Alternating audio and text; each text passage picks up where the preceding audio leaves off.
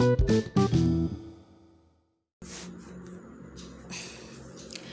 aku minta tolong sama temen aku buat berbagi kisah cintanya sama aku untuk aku jadikan bahan podcast. Mungkin Ruang Senja juga akan ada segmen baru, cerita senja. Jadi teman-teman aku bisa berbagi ceritanya apa pun aku akan menampung dan aku jadikan inspirasi aku buat bikin podcast. Karena aku udah ngerasa aku bosen gitu kebanyakan kayaknya cerita aku yang di up jadi aku pengen cerita teman-teman aku juga bisa menginspirasi aku dan kita semua oke okay. cerita senja di episode pertama ceritanya kayak gini waktu itu ada event lomba internal pas kibra Aku sebagai koordinator atau yang ngelatih pasukan aku. Di situ aku ketemu adik kelasnya aku pas SD. Terus awalnya biasa aja, kayak kakak kelas ke adik kelas biasa. Dia pernah ngajakin aku pulang bareng, tapi aku ngerasa, ih, apa sih? Ya waktu itu aku belum ada rasa. Tapi semakin sering kita ketemu, kita jadi semakin akrab. Waktu itu ada acara malam keakraban. Di situ aku mulai mikir, apa aku beneran suka ya? Selama acara, kita duduk sebelahan. Dia bolak-balik ketangkep basah lagi liatin aku. Di situ kita ngobrol, bercanda, pokoknya banyak deh. Semakin ke sini, semakin intens juga chat aku sama dia. Yang awalnya nanya sebatas jam latihan sama keluh kesah latihan, sekarang makin kayak ngenalin satu sama lain. Semacam, oh aku suka ini. Sama nanya-nanya layaknya orang lagi PDKT deh. Nah pas hari H, dia ngasih aku susu stroberi. Terus kita juga foto bareng. Waktu pasukan aku tampil, karena nggak boleh pakai aksesoris, dia nitipin gelangnya ke aku. Aku pakai sampai acaranya selesai. Dia bercanda sama teman-teman ceweknya. Di situ aku ngerasa, kok mereka deket banget ya? Aku mau cemburu juga. Aku siapa? Aku datengin mereka dengan alasan balikin gelangnya. Setelah dua hari, anaknya ke rumah buat ngembaliin barang yang dia pinjam. Terus dia ngasih gelang yang waktu hari H dia titipin ke aku. Gak tahu maksudnya apa. Nah setelah semingguan, kita ngadain malam keakraban lagi. Buat buka hadiah yang udah kita dapetin. Di situ aku datang terlambat gara-gara ada acara ulang tahun temen aku. Waktu aku datang, aku salim sama ibunya. For information, magrab, makrabnya di rumah dia. Salaman sama ibunya tuh apa ya? Rasanya kayak salting gak jelas. Dia yang habis pulang dari masjid sama anak-anak cowok, masuk langsung lihat aku bilang, eh udah sampai. Dia duduk di sebelah aku lagi dia ngajakin aku nonton Spider-Man.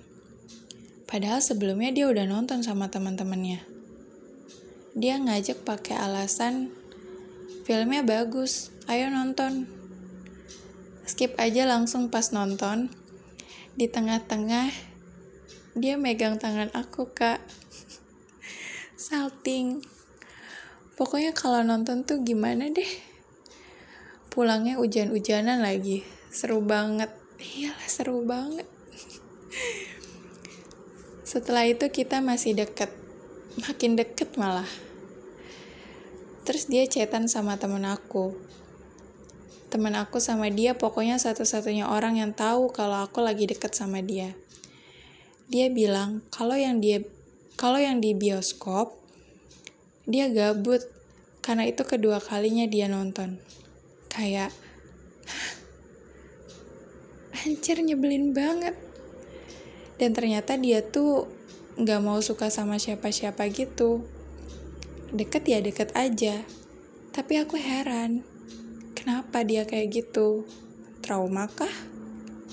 Nggak tahu. Waktu itu temennya bilang kalau dia cerita dia lagi nge orang dan itu beda sekolah. Kan berarti bukan aku. Bentar tadi dia bilang dia nggak mau suka sama siapa-siapa tapi dia lagi nge orang. Oke. Okay. terus aku mulai ngerasa kita deket tapi ini sepihak. Sakit banget. Dan waktu dia ulang tahun kemarin itu hari terakhir aku mutusin buat nggak sama dia lagi. Oh. Nah terus temennya bilang ke aku kalau dia cerita kenapa tiba-tiba aku berubah. Terus temanku nanya, kamu udah mulai suka sama Kak Lia? Nama disamarkan ya. Jawabnya enggak. Tapi obrolan kita udah nyambung. Kayak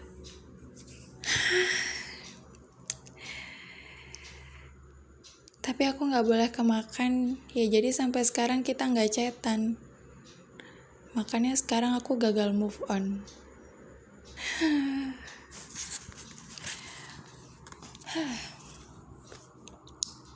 Duh.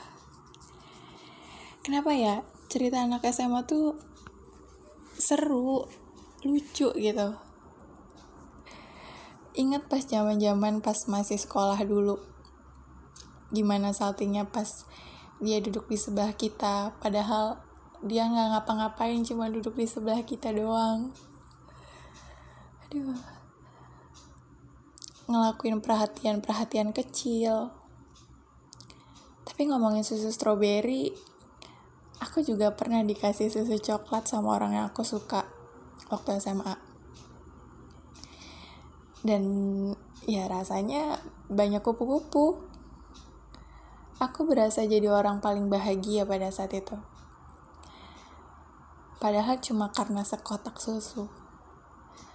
Tapi apa pun bentuk yang dikasih, rasanya akan selalu menjadi berharga dan menyenangkan kalau yang ngasih orang yang kita suka. Tadi si cowok ngasih, eh bukan ngasih, si cowok nitipin gelangnya. Aku jadi inget juga ceritaku waktu itu ada reuni SMA orang yang aku suka ini bilang kalau dia nggak bisa datang. Aku juga udah bilang sama temen aku nggak sih aku nanya sama temen aku dia ikut gak gitu. Karena temanku tak temanku ini tahu. Terus uh, dia ngabarin katanya nggak nggak nggak ikut terus orangnya juga bilang sama aku dia nggak ikut. Tapi ternyata dia bohong dia ternyata ikut. Pas hari H aku ngeliat dia. Dia masuk terus dia salaman lah sama teman-teman yang lainnya gitu. Terus sampai akhirnya tiba di aku salaman sama aku. Aku kalau inget itu senyum-senyum sendiri lagi deh ya pada saat itu padahal perasaannya tuh udah lama gitu ya. Tapi nggak tahu kenapa kalau perasaan suka kayaknya akan selalu bikin ada kupu-kupu gitu. Kalau kita ketemu lagi. Nah terus mulai dari situ dia nitipin tasnya ke aku sampai acaranya selesai. Aku juga bertanya-tanya kenapa dia nitipin ke aku maksud kan di situ banyak itu teman-teman cewek dan mungkin ada yang juga deket sama dia apa gimana kan aku nggak tahu ya.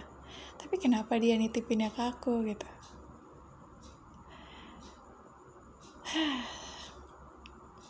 Tapi namanya jatuh cinta kadang di luar rencana ya.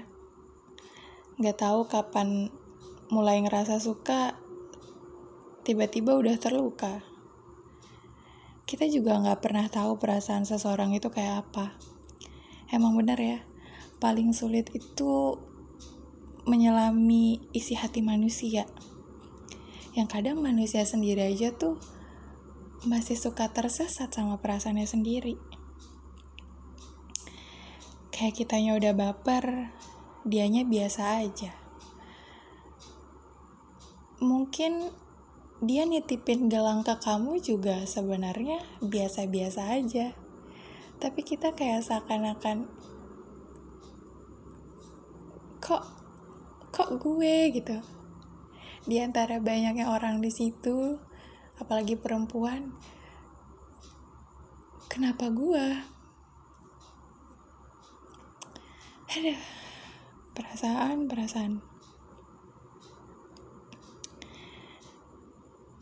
tapi namanya perasaan emang gak bisa ditebak sih nggak bisa kita atur juga apalagi perasaan orang lain ya kalau ngobrolnya nyambung, kadang nggak menjamin juga perasaan itu terus bertumbuh. Tapi aku yakin sih, ketika percakapan kita dengan seseorang semakin nyambung dan semakin seru, di ruangan lain ada seseorang yang menunggu, menunggu obrolannya terbuka dengan kita.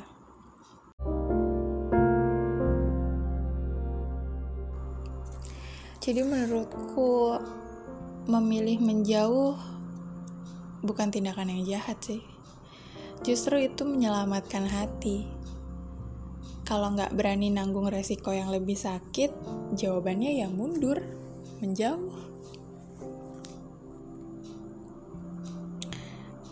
Kita nggak pernah tahu berapa lama perasaan itu hidup di hati kita. Mungkin sekarang lagi ngerasa sedih, sakit, kecewa, galau, uring-uringan gak jelas. Karena banyak pertanyaan di kepala dan gak ada jawabannya. Gak ada dan gak nemu. Pertanyaan kenapa kadang gak perlu dijawab dengan karena. Ya sebab segala sesuatu yang melibatkan perasaan gak pernah bisa untuk dikarenakan. Jadi, galaunya dinikmatin aja. Aku yakin kamu akan ngerasa jatuh cinta lagi. Butuh waktu. Tapi kita juga gak pernah tahu ke mana waktu akan membawa kita pada seseorang yang seperti apa. Kan jatuh cinta emang gak bisa ditebak ya. Tapi kita bisa, kita bisa bikin pertahanan untuk resiko dari jatuhnya, jatuh cinta.